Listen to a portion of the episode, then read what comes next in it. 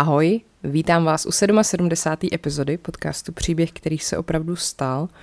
Já se omlouvám, že to natáčím teď ve středu, vydávám ne v pondělí, jak je zvykem. Měla jsem takovou epizodu s rýmou, ale už je to o dost lepší. Myslím si, že tomu hodně pomohlo to, že piju čaj, do kterého si dávám rýmovník, což je taková rostlina, kterou máme doma, kterou pěstuje můj přítel. A ono to je fakt takový jako eukalyptový a úplně to jako protahuje dutiny. Takže kdybyste někde měli rýmu, tak logicky si prostě pořídíte rýmovník. Tak, eh, to bylo tak jako na úvod. Eh, já chci pokračovat v cyklu, co vás v dějáku nenaučili. A v rámci cyklu, co vás v dějáku nenaučili, jsem rozjela cyklus, který uh, jsem pojmenovala, jak se lidem žilo uh, za minulého režimu, za komunismu.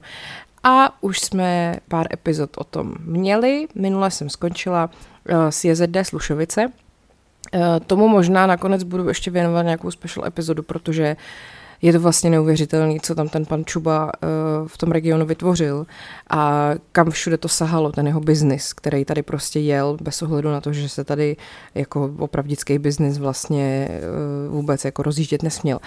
No, uh, tak to někdy jindy třeba, ale teď teda jdeme dál a podíváme se na to, jak to fungovalo s kinem.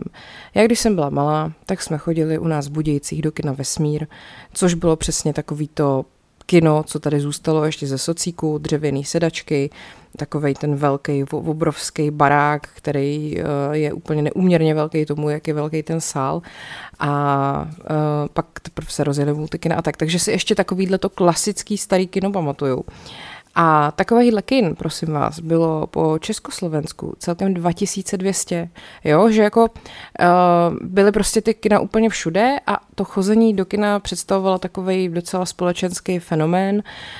Um, bylo to takový místo, nejčastější místo třeba setkání, jo, že bylo jedno, jestli jste žili ve velkém městě, na malém městě nebo na vesnici, dá se říct, že nějaký kino, větší nebo menší, se fakt dalo najít úplně všude v každé vesnici, v každé čtvrti velkých měst a byly teda jednosálový, měli ty sklápěcí sedačky a měli prostě svoje kouzlo a byla to prostě taková zábava v tom místě, kde jste byli, jo? nemuseli jste nikam dojíždět a vlastně i ty letníky na třeba, který dneska už jsou taková podle mě trošku spíš jako uh, záležitost pro takový ho, hodně jako velký filmový fanoušky, tak dřív to bylo, dřív to byl takovej uh, hodně masový masový styl zábavy.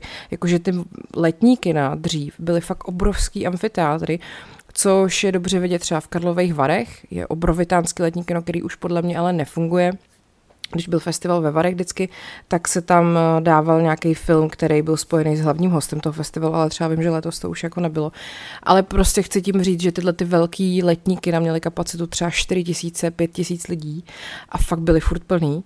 A dokonce my jsme tuhle byli v letním kině uh, tohle léto a tam nám uh, ten uvaděč vykládal o právě trošku historii letních kin a mně přišlo hrozně zajímavý, když třeba říkal, že trilogie Slunce seno nebo ten, to první epizoda minimálně, no pak ty další už byly jako založený na úspěchu té první, že to vlastně vzniklo na objednávku přímo jako pro letní kina, jo, že uh, natoč něco veselého, takového letního, na co prostě budeme mít furt vyprodáno a může se to dávat v letňáku a takhle vlastně vzniklo Slunce, seno, jahody, což mi přijde docela zajímavý, to si jako dneska už asi vůbec neumíme představit něco takového, i když teda přitom spousta filmů z české produkce jsou přesně filmy, no já bych je nepustila ani v letní kině, nic jdem dál. Um, tak, uh, ty kina teda za toho socialismu byly fakt takový komunitní pojítko, jo.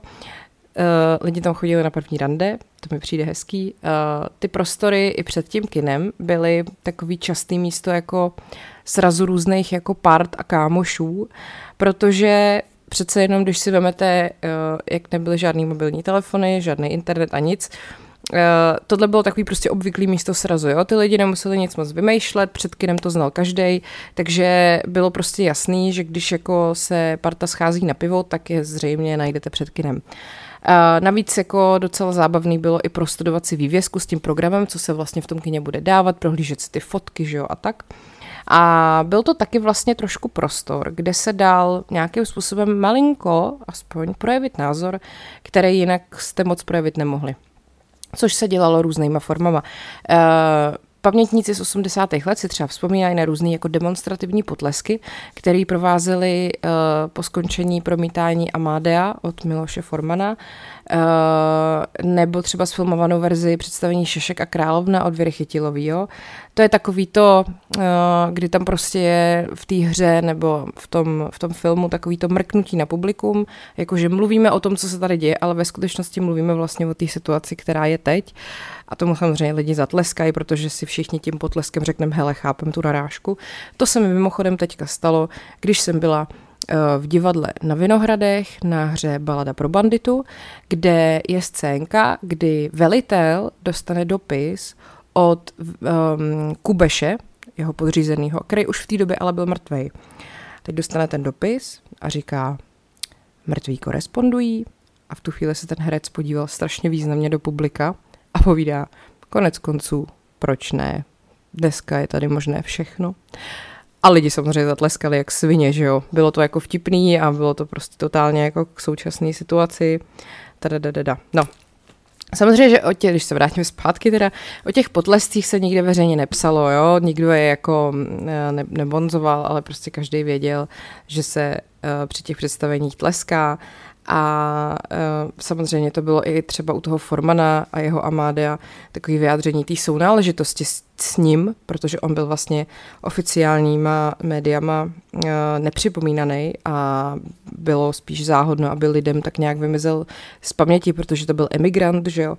A um, samozřejmě, že zase u toho, třeba u toho Šaška a Královny, tam zase právě šlo o ten jinotaj, o tom, že klaun se vzbouří proti nějaký moci a podobně. No, eh, pak taky ještě další samostatná kapitola byly filmové kluby, které se nacházely v takové, řekněme, mm, šedé zóně té komunistické pseudotolerance, protože tam tu a tam bylo možné schlínout tituly, které z normální distribuce byly stažený a nevysílala ani televize, ale nebyly zároveň úplně jako trezorový, jo? takže to bylo prostě něco takového na hraně, řekněme. A příkladem toho třeba byl snímek Němeš, Nebeští jezdci, režiséra Jindřicha Poláka z roku 68, který byl o československých letcích, který bojovali za druhý světové války v Anglii, a nebo třeba taky Starci na chmelu od eh, Ladislava Richmana, eh, což je pro spoustu lidí považováno za takový nejlepší, vlastně nepřekonaný český muzikál. Takže uh, taková ta, takový to, taková ta chuť zakázaného ovoce a takového toho sdíleného protestu, který ale vlastně není vyřčený na hlas, uh, to stálo i za takovou velkou popularitou jako akcí různých filmových, nebo různých akcí filmových fanoušků, což byla třeba uh, festival Letní filmová škola. Ta akce se zrodila už v roce 64 na, na Písecku v Čimelicích, pak se teda pořádala v Písku a potom v 70. letech získala ten název Letní filmová škola a pak se na začátku 80. let přestěhovala do Uherského radiště a, sic, a neměla vlastně žádnou propagaci, tak ono taky kde, že jo, to moc tehdy nešlo, ale mělo to prostě obrovskou popularitu a zaměřovalo se to totiž hlavně na filmovou historii a umění a tak díky tomu se tam prostě ukázaly i díla, které vůbec jako v těch klasických médiích vůbec nebylo možné, aby se tam dostali. Takže eh, samozřejmě až do roku 89 furt jako komunisti hrozili, že tu akci zakážou. Uh, mimochodem letní škola v, Ka- Dobrý. V Uherském hradišti je výborný festival, já jsem tam byla asi dvakrát nebo třikrát a to má vždycky tak skvělou atmosféru. Je to úplně něco jiného než festival ve který má taky skvělou atmosféru, ale jako úplně jinou tak bych tak jenom vám to chtěla říct.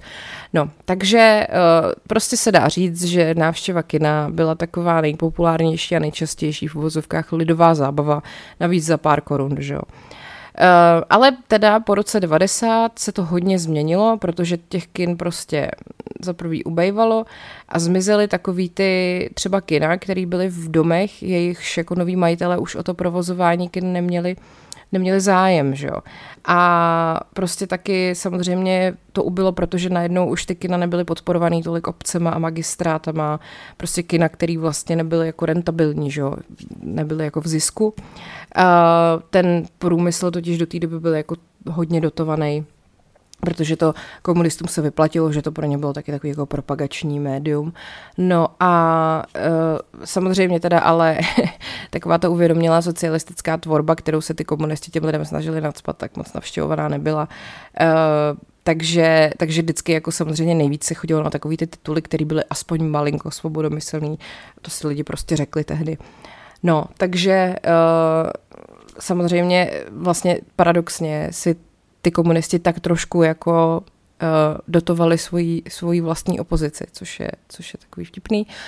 A pozůstatky jako socialistických kin už podle mě dneska v Čechách se najdou málo kde. To mi schválně napište, jestli ještě někde takhle máte takový to úplně starý klasický kino, který prostě uh, nez, nezničili multikina a všechno ostatní, protože u nás třeba v mých rodných Budějcích vím, že je kino Kotva, ale to se teda muselo taky hodně zrekonstruovat a celý vlastně předělat, tak už tam z toho původního nic moc nezbylo.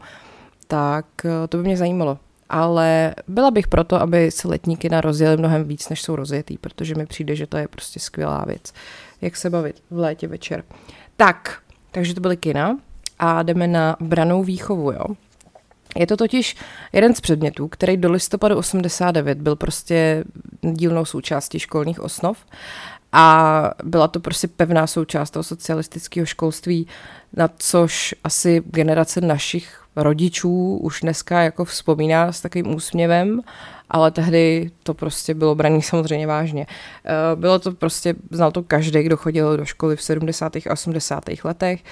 Eh, nacvičovalo se tam používání plynových masek, eh, nezapomenutelné vytírání páchnoucí gumy vatičkou namočenou v lihu, tak to chápu, že se asi nedá moc zapomenout, nebo dětská braná soutěž partizánský samopal, v němž se děti cvičily v orientaci v lese nebo hodu gumovým granátem a střelby ze vzduchovky. To bych teda chtěla říct, že hod gumovým granátem jsem zažila i já po už po převratu a byla to jedna z nejvíc traumatizujících věcí prostě v tělocviku vůbec, protože jsme se celý rok uh, zabývali tím, že jsme třeba hráli volejbal nebo vybíjenou a pak nás na konci roku zkoušeli s hodu granátem, což prostě byla úplná debilita, mě to vždycky vyklouzlo, hodila jsem sedm metrů a všichni se mi smáli. Ah, tak, jestli mě poslouchá někdo, kdo učí tělocvik, prosím nás vysvětlete mi, proč jsou ty osnovy tak debilně napsané a jestli už to třeba je dneska jiný. Jakože to není tak, že se celý uh, rok prostě učíme uh, podávat ve volejbale a pak, pak prostě nás zkouší zběhání nebo tak, jestli už to třeba někdo pochopil, že takhle to úplně jako nefunguje.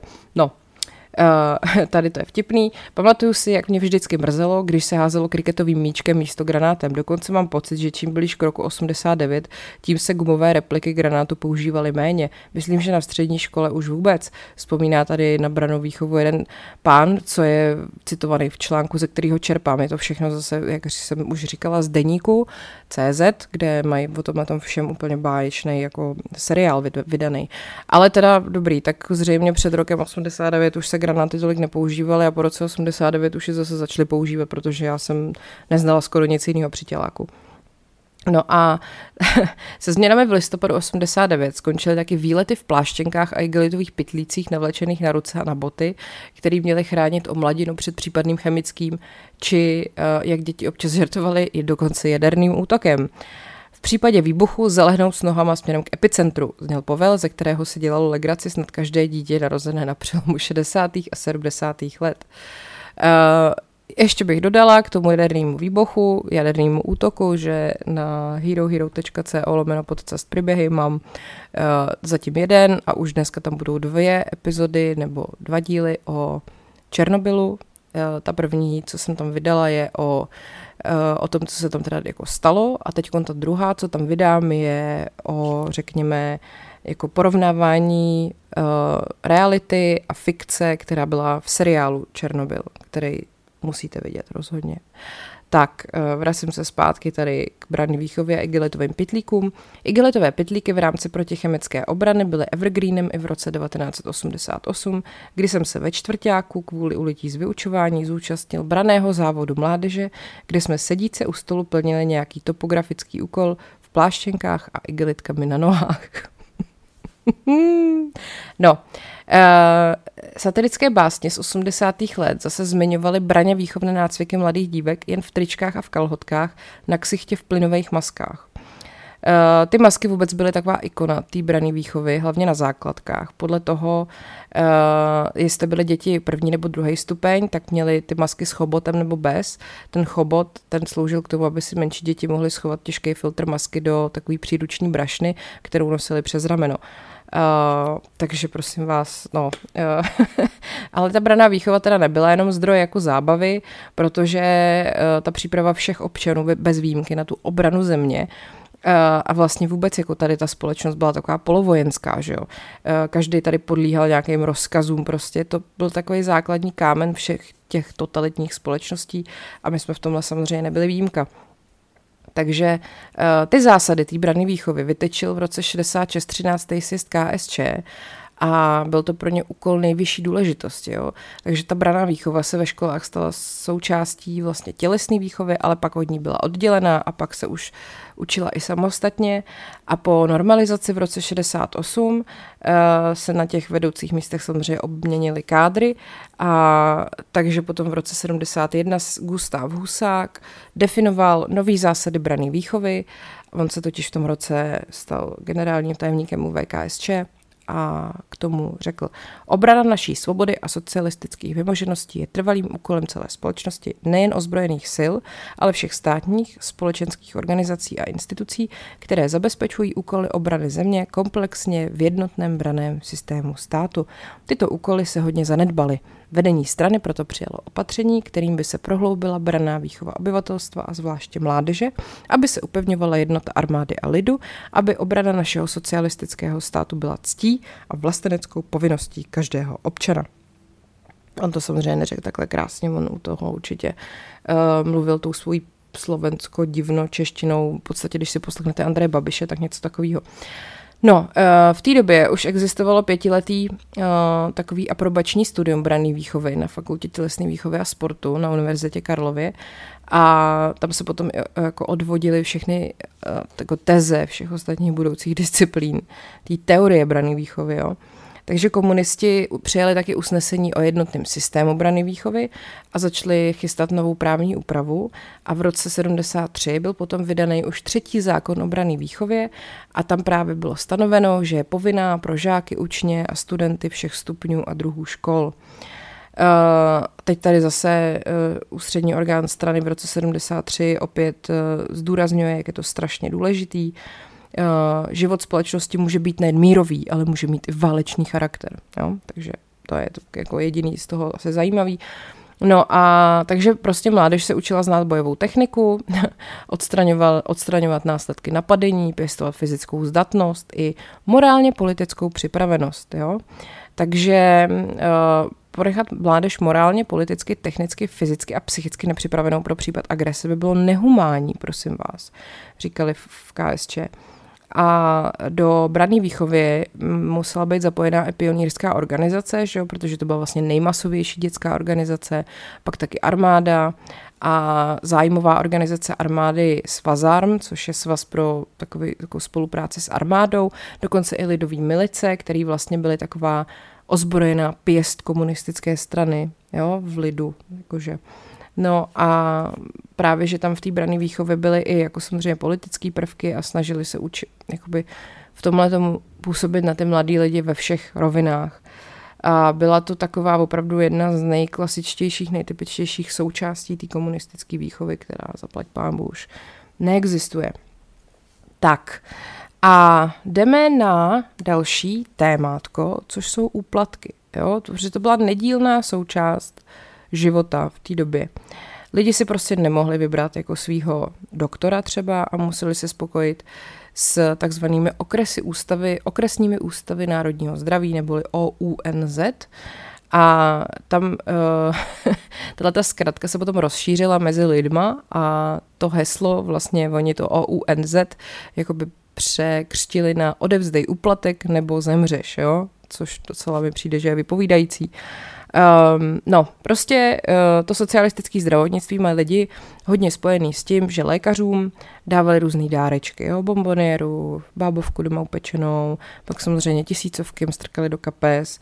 Uh, pokud chtěli prostě lepší zacházení nebo lepšího doktora nebo se dostat na nějaký speciální vyšetření dřív než, já nevím, za půl roku, tak to byla jako povinnost v podstatě. Jestli jste viděli třeba nemocnici na kraji města, tak tam, myslím, hrála Jistela Zázvorková, zelinářka Dobijášová, tam furt se snaží, myslím, primáři Sovovi strkat nějaký prachy, nebo, ale jako tam on samozřejmě moc si to nevezme, protože on je jako čestný člověk a vypráví prostě o tom, že eh, v okapu naší nemocnice se usídlily vlaštovky, ale jinak jako klasický doktor si tohleto asi všechno normálně bral. Uh, když tady mám třeba uh, nějakou výpověď zase z článku na deníku, úplatky samozřejmě byly. Myslím si, že v ambulantní péči o ně nikdy moc nešlo, spíše v nemocnicích. Ale zase to nebylo tak, že by se člověk k léčbě nedostal, kdyby nezaplatil. Ale když chtěl přeběhnout v termínech, když chtěl lepší endoprotézu než tu standardní, očekávalo se to. Hele, to je vám docela vtipný, ne jak dneska třeba uh, ještě před volbama, jakože různé strany, řekněme z levice, jako politického spektra, jako vykřikují a komunisti, myslím, myslím taky právě, že když prostě nastoupí k moci pravice, tak se zprivatizuje zdravotnictví. Jo. Přitom ono, ať je to zdravotnictví jakýkoliv, tak se přesně tyhle ty věci začnou dít stejně navzdory tomu systému. Takže ten život si vždycky jako najde cestičku, je úplně jedno, kdo vládne. Prostě když to zdravotnictví stojí za prd, tak se lidi začnou uplácet a je úplně fuk, kdo je zrovna u moci. No nic, jdem dál. Velkým problémem byla korupce, protože když se člověk chtěl dobrat k něčemu kvalitnějšímu, musel nějak zaplatit, doplňuje historik Michal Stehlík. Šlo spíše o součást šedé ekonomiky, než že by to bylo prostředí, kde by lítaly miliony.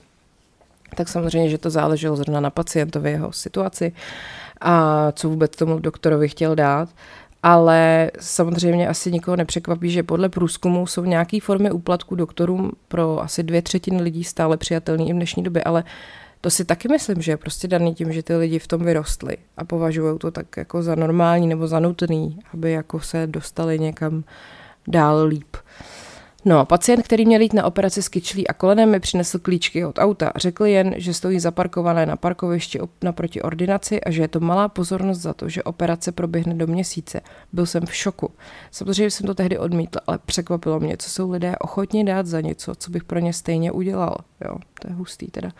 No ale tak spousta lidí na takovýhle dary peníze neměli, tak měli třeba pár stovek bokem nebo nějakou lahev že, alkoholu. A taky samozřejmě šlo o to, na jakýho lékaře eh, ten pacient narazil. Některý prostě toho zneužívali, přijímali uplatky, některý právě byli spravedliví, jako doktor Sova. No, kromě peněz samozřejmě byly podstatné taky známosti. Takže když prostě praktický lékař zjistil, že ten pacient potřebuje nějakou další péči, tak mu dal žádanku. A pak se zařizovalo vyšetření na okresní úrovni a člověk se někdy mohl dostat až třeba do Prahy nebo do Brna na lepší vyšetření a takže to byla taková sociální korupce vlastně že sice základní téze toho socialistického zdravotnictví bylo, že je bezplatný, je veřejně dostupný, ale to právě znamenalo, že to v mnoha ohledech bylo špatný z hlediska nějakých technických podmínek, byl tam nedostatek samozřejmě lékařů i vybavení a ten režim spíš sázel na to, že ten personál je obětavý jo, a ten to vlastně hodně zachraňoval, což mi velmi připomíná situaci s covidem tady před rokem. No, uh, samozřejmě, že ten systém začal někdy třeba kolabovat a pak ne, nemohl poskytovat tu péči, kterou vlastně sám garantoval. No a taky prostě možnosti třeba předepisování léku byly dost jako omezený. Uh, obvodní lékař, ten jich mohl, měl na výběr jenom pár základních. Uh, ten odborný lékař už měl víc možností, ale ani jako ten nemohl předepsat dražší a lepší léky z toho v kapitalistického západu. Uh, Sortiment byl ubohý, například onkologové neměli chemoterapie, ty si scháněli přes krajský výbor KSČ, vědělo se o nových chemoterapeutikách ze západu, ale ty se sem nedovážely. Samozřejmě se léčilo, ale nemohly se používat nové preparáty, které měly méně vedlejších účinků. Takže obyčejný ibuprofen, který prostě dneska už koupíte i v drogerii, byl prostě žádaný podpultový zboží. Uh, a lidi, kteří se k těm zahraničním lékům dostali, tak s nimi samozřejmě obchodovali. Mě už trošku zrazuje hlas, budu se snažit pokračovat dál. Uh, budu když tak taková trošku jako, jak se to řekne, jak, jako Phoebe v Přátelích, když dostala rýmu, a pak zpívala v baru, zahrajme ještě jednou Franku. No, ale problém nebyl jenom v nedostatku léku, ale chyběla i ta vyšetřovací technika. Takže třeba v jeho českém kraji byl jenom jeden, jeden jediný přístroj na CT vyšetření a pacienti teda opravdu na to čekali nesmírně jako dlouho. Uh, samozřejmě i dneska lidi mají pocit, že na, na věci čekají dlouho, co se týká různých vyšetření, ale to se jako s tehdejší dobou nedalo srovnat. Um, to se nečekalo měsíce, ale čekalo se roky, jo, což je dost jako prdeli, když vám něco závažného je a oni roky uh, jim trvá, než vás vůbec jako vyšetří primárně, takže jako šílený. No a uh, samozřejmě, když jste byli vysoce postavený komunista, tak to bylo něco jiného. Třeba v Praze jste tím pádem měli vládní sanatorium Sanpos, což je dnešní nemocnice na Homolce, a to mělo svoji tradici už za první republiky. Ty měly lepší léky a rychlejší péči, takže na co se čekalo v normálním světě měsíce, tak tady ty vysoce postavený papaláši na to čekali jenom třeba týden. No a ale třeba ty lékaři jako říkají, že to nebylo jenom jako špatný že jedinou věcí, která byla za socialismu lepší, byl větší pořádek v atestační přípravě lékařů. Systém byl dořešený a fungoval. Jo? Že uh, vlastně kladem toho socialistického zdravotnictví byl takový stabilní systém těch univerzitních nemocnic a těch krajských a okresních ústavů národního zdraví. Um, co se týká ale přístupu k pacientovi, tak to bylo úplně jako stejný, nebo spíš horší. A třeba problém paradoxně nebyl jakože s očkováním, protože to bylo nařízený, lidi na něj chodili a populace prostě byla proočkovaná. Um, no a pak se taky hodně jako zneužívaly lékařské služby první pomoci. A lidi brali, že na to mají právo, že když prostě se ráno zbudí te- s teplotou, tak si můžou tohle zavolat a doktor přijede, což se potom už po revoluci přestalo dít. Uh, ale zase na druhou stranu, jak jsem říkala, nemohli jste si jako vybrat svého doktora, jo, protože byl nějaký systém těch obvodních a závodních lékařů, takže v podniku jste měli závodního lékaře, tam jste povinně jako zaměstnanci chodili k ním a k obvodnímu lékaři chodili ty, kteří neměli závodního lékaře a to podle toho, do jakého obvodu patřili, což jste asi třeba viděli ve filmech o básnících. No a takže samozřejmě dneska jsme na tom jako ne, neporovnatelně líp samozřejmě, jako ve všem. Uh, tak, uh, podívám se, jak jsme na tom časově, jest, tak ještě jdeme dál. Mám tady svobodnou Evropu. Jo? Volá hlas svobodného Československa a rozhlasová stanice Svobodná Evropa. To byly první slova mnichovského vysílače RFE, který zazněly na 1. máj v roce 1951. A pár minut na to se ozval zvuk rušiček, jejíž typickému zvuku lidi říkali moskevské bugy. No, ale tyhle ty úvodní slova a vysílání svobodné Evropy nebo hlasu Ameriky se staly takovým třeba pro spoustu lidí prostě jediným pojítkem s tím svobodným světem. Velká část společnosti byla samozřejmě nedůvěřivá k oficiálnímu spravodajství, myslím před převratem, což bylo reprezentované československou televizí, československým rozhlasem nebo deníkem Rudé právo, který v podstatě bylo jako deníkem komunistickým.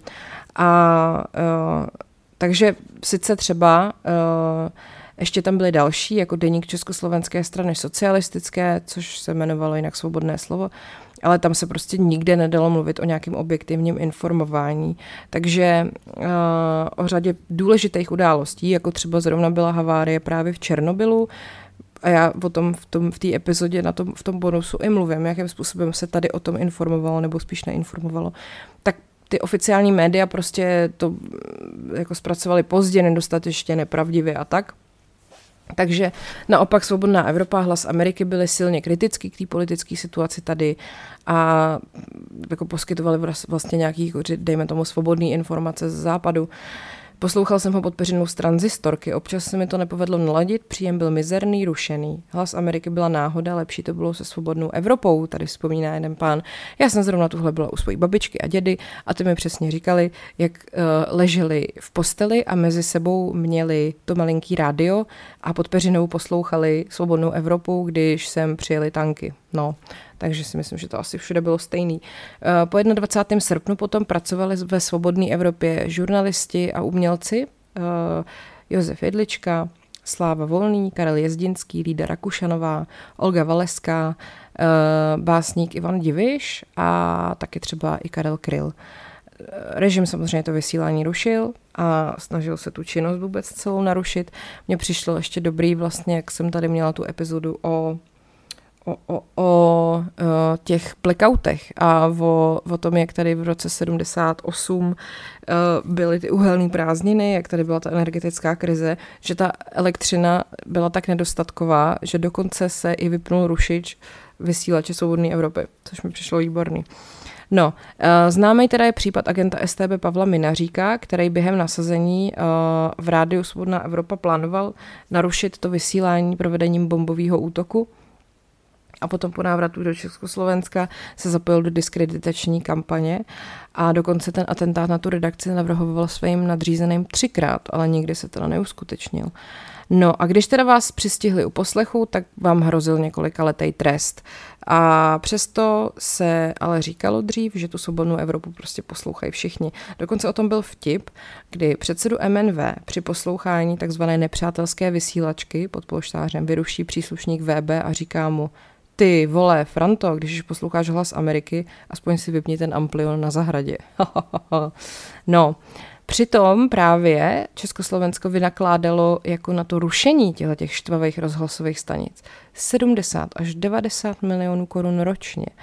A teď užívalo k tomu středně vlný vysílače u Plzně, Strakonic, Karlových varů, Ústí nad Labem, Liberce, Hradce Králové, Mníchova hradiště a Moravských Budějovic a pak ještě krátkovlný vysílače u Prahy, Poděbrad, Brna a Litomyšle. No, ty rušičky se potom vypnuly před Vánocema 88 a jak tady říká jedna pamětnice, tehdy už jsme nepochybovali, že to brzy musí prasknout a vida netrvalo to ani rok. Jo, takže, uh, takže to byla svobodná Evropa. Tak a já tady mám ještě další takový oddílek o dovolený a to si možná nechám tady ještě mám tududu, tududu, tududu. Jo, to je dovolená v Československu, dobrý. No, tak já už jsem mluvila o tom, jak se jezdívalo do zahraničí a teď tady mám něco o tom, jak se jezdilo na dovolenou v rámci teda naší země. Uh, já si myslím, že jste asi všichni viděli třeba Anděla na horách nebo dovolenou s Andělem, tam je to teda jako hodně hodně ideologický celý, ale prostě tam vidět takový to gro, že uh, jste jeli prostě na zájezd s podnikem do nějaký, na nějakou chatu nebo chalupu nebo do nějakého rekreačního střediska, který patřilo tomu národnímu nebo státnímu podniku a vy jste se tam jako zaměstnanci prostě seznamovali s lyžováním s turistikou a se sebou, že jo. A to třeba jako lidi do dneška uh, jako vzpomínají na to, že to je věc, která jim jako chybí, jo. I když prostě jinak to stálo za hovno, tak bylo fajn, že jsme občas prostě jeli někam tyhle do horské chaty seznámit se prostě s Frantou účetním, no. Tak a teď tady budou tak jako různě citovat zážitky lidí, jo. Um, tak, třeba chata v Karlově u Malé Morávky v Jeseníkách, uh, ta, se, eh, ta byla mm, třeba chatou zaměstnanců Tesly Brno, nebo pro zaměstnance Tesly Brno. Eh, tehdy se tam netopilo ústředním topením, v každé místnosti byla kamna, ve kterých se muselo zatopit. Eh, jezdilo tam vždycky asi 40 lidí, jen jeden pokoj byl dvoulůžkový, jinak byly pokoje i po šesti nebo osmi lidech. Byla tam společenská místnost, ve které se všichni scházeli. Jeden spodák pro všechny v kuchyni, rodiny se tehdy domluvily a vařili jsme dohromady.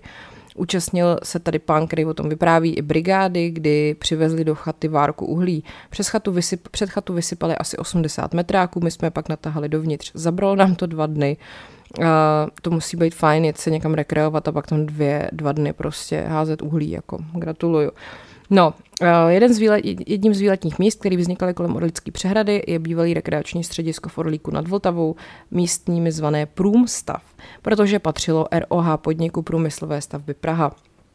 Bylo to tam už od začátku 60. let a uh, když potom třeba tady jedna učitelka z místní základky vzpomíná, že když byla na střední škole, tak tam chodila na brigády. Dělala jsem tam pokojskou, servírku, pomáhala v kuchyni, vždycky tam bylo plno. Jednou jsem dokonce obsluhovala Miloslava Šimka. Tyjo. No a pak se z toho stal teda soukromý park Hotel Orlík, který teda jako k rekreacím slouží do dneška. No, eh, děti strojvedoucích a opravářů z, hledec, z hradeckého lokomotivního depa jezdívali z rodiči na Hofmanovu boudu.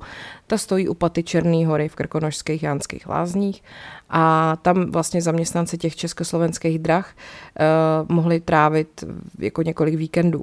Bývala tam úžasná, opravdu neopakovatelná atmosféra, chlapi se znali. Celý víkend byl jedno velké šťastné setkání strojvedoucích a jejich manželek a dětí. Jako děti jsme se navzájem znali a těšili se na sebe.